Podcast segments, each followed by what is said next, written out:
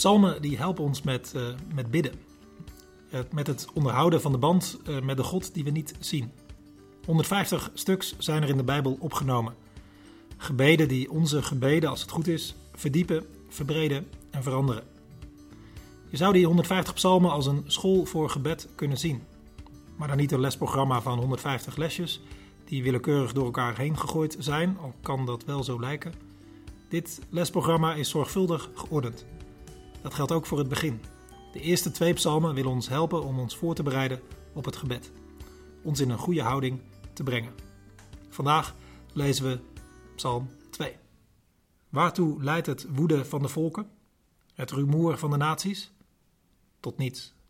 De koningen van de aarde komen in verzet. De wereldmachten spannen samen tegen de Heer en zijn gezalfde.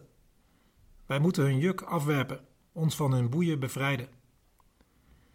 Die in de hemel troont, lacht. De Heer spot met hen. En dan spreekt hij tot hen in woede, en zijn toren verbijstert hen. Ikzelf heb mijn koning gezalfd op de Sion, mijn heilige berg. Het besluit van de Heer wil ik bekendmaken. Hij sprak tot mij: Jij bent mijn zoon, ik heb je vandaag verwekt. Vraag het mij, en ik geef je de volken in bezit, de einde der aarde in eigendom. Je kunt ze breken met een ijzeren staf, ze stuk slaan als een aardepot. Daarom, koningen, wees verstandig. Wees gewaarschuwd, leiders van de aarde. Onderwerp u, toon de Heer uw ontzag. Breng hem bevend uw hulde. Bewijs eer aan zijn zoon met een kus. Anders ontvlamt zijn woede en uw weg loopt dood. Want bij het geringste ontsteekt hij in toren. Gelukkig wie schuilen bij hem. Psalm 2 hoort bij Psalm 1.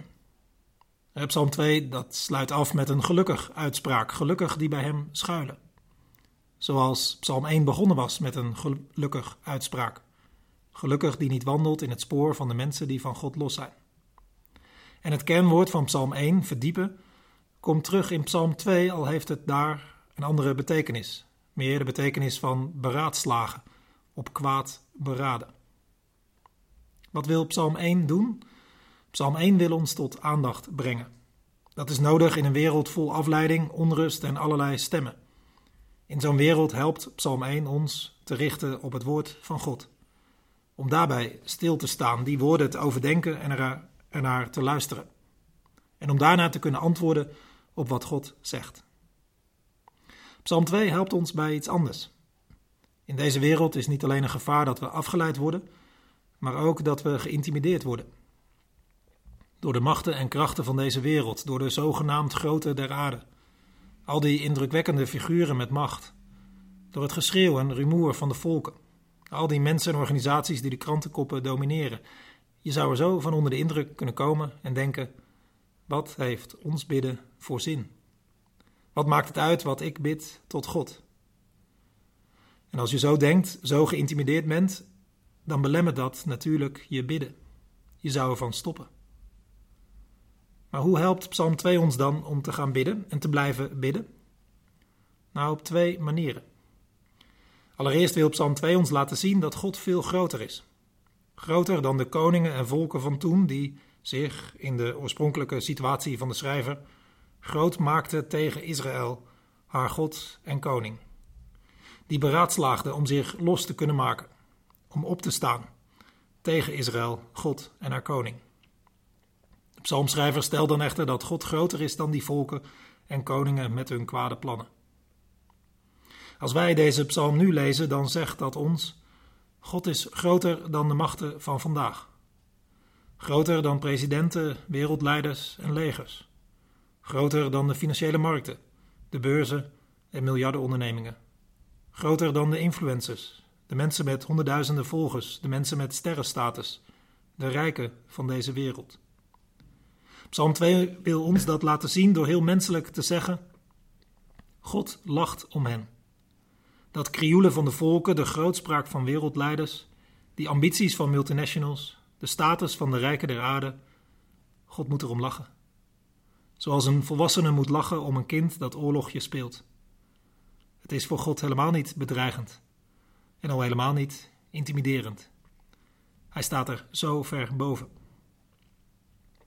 Een regel later staat dat God er ook kwaad om is. Omdat het natuurlijk niet om kinderlijke fantasieën gaat, maar dat het hier gaat om mensen en machten die beter hadden moeten weten. En die in hun arrogantie schade doen. Die met hun zucht naar meer macht en zeggenschap zoveel mensen kwaad berokkenen. God kan dat niet hebben. En het maakt hem woedend. En dat zullen ze merken ook. En de psalmschrijver ziet dan voor zich hoe die machthebbers eens bevend tot God zullen naderen. Hoe ze met knikkende knieën zullen buigen voor God.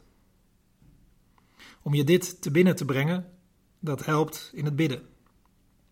Juist ook als er schokkende dingen gebeuren: terreur en oorlogsdreiging, handelsoorlogen en boycotts, muren die gebouwd worden of maar niet afgebroken worden, slagpartijen en geweldsmisdrijven, bedrijven die landen kapot maken of de natuur grof beschadigen, vluchtelingenstromen en conflicten tussen landen en wereldleiders, als die dingen je aanvliegen, als die dingen je plat dreigen te slaan, dan helpt Psalm 2 om te denken: God is groter en sterker.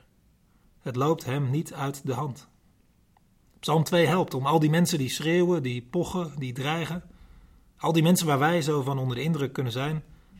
Psalm 2 helpt om die niet al te serieus te nemen. God doet dat namelijk ook niet. En ze zullen zeker niet wegkomen met hun arrogantie, met hun verzet en hun brute geweld. God staat erboven. Dat is het eerste van Psalm 2. En dan het tweede. God komt er ook middenin. Hij komt ook midden in deze wereld. God blijft niet alleen maar hoog en droog boven, maar hij bemoeit zich met deze wereld. Hij raakt betrokken. In deze psalm wordt gewezen op de gezalfde. En in eerste instantie werd daar de toenmalige koning van Israël mee bedoeld. De koning, een plaatsvervanger van God op aarde. Gods mens op aarde. Dat lijkt misschien niet gelijk heel indrukwekkend of veelbelovend. Hè, dat Saul, David, Salomo, Rehabeam, Hiskia, Manasse of Josia, dat dit Gods vertegenwoordigers op aarde waren. Ja, er zaten goede bij, maar ook behoorlijk matige tot zeer slechte. Moest dat nu het tegenwicht zijn tegen het rumoer van de volken? De aanspraken van de machthebbers van toen? Dat lijkt inderdaad niet echt veel te betekenen, maar het is wel de manier waarop God werkt door mensen aan te stellen, hen te roepen en via hen te werken. Zo realiseert zich Gods nieuwe wereld. Maar als het echt alleen van deze al te menselijke koning eh, zou moeten afhangen, dan was het inderdaad te weinig. Maar Psalm 2 grijpt vooruit op de koning, de gezalfde, de Messias van boven. Die niet alleen Gods vertegenwoordiger op aarde was, maar God zelf die mens geworden was, Jezus Christus.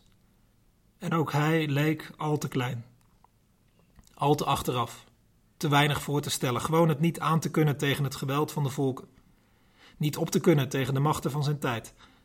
En velen keerden zich daarom teleurgesteld van hem af. Degenen die echter bleven kijken, zagen dat hij wel degelijk macht had. Dat zijn gezag niet ontoereikend was, nee, hij had gezag over wind en water, over mensen en groepen, over ziekte en duivel, over kwaad en zonde, over leven en dood. Hij overwon al die zaken. En het christelijk geloof leeft van de verwachting dat deze gezalfde, deze Jezus, eens en voorgoed een einde zal maken aan alle kwaad, alle dood, alle verderf, alle spot, alle samenzweerderij van het slechte, aan alle kwade plannen, aan alle arrogantie, aan alle leugens, aan alle verzet tegen het goede. En dat dankzij hem Gods nieuwe wereld volledig zal doorbreken. Zicht op deze Messias, op deze Jezus, dat helpt. Zoals bij Guido de Bray, een hervormer uit de 16e eeuw, die op een bepaald moment gevangen genomen werd vanwege zijn geloofsopvattingen. Hij kon nog snel een briefje schrijven voor zijn vrouw, met maar een paar woorden. Schreef hij op: Wij hebben een koning. Ook als er machten zijn die je bedreigen, die je intimideren, dan is het geloof in de Messias Jezus helpend om te blijven bidden. Omdat deze wereld, met al zijn rumoer, met al zijn lawaai, met al zijn machtsvertoon, niet opgewassen zal zijn tegen Gods man op aarde, tegen Jezus Christus, aan wie de overwinning is. We hebben een koning.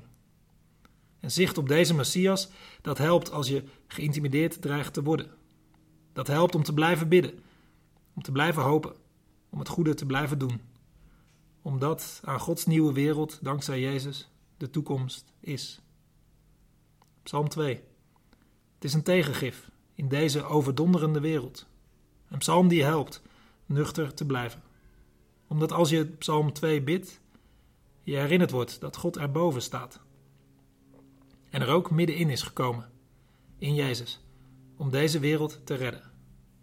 Dat geeft vertrouwen om te blijven bidden, om je dingen van jezelf en van deze wereld aan God voor te blijven leggen. Dank je voor het luisteren naar de Noorderlicht Rotterdam podcast.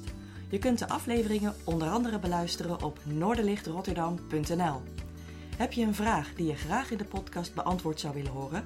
Stel deze dan via e-mail op de website. Of fiets even langs bij de kerk en geef het door. Wie weet beantwoordt de volgende aflevering dan jouw vraag. Je bent van harte welkom. Tot de volgende keer.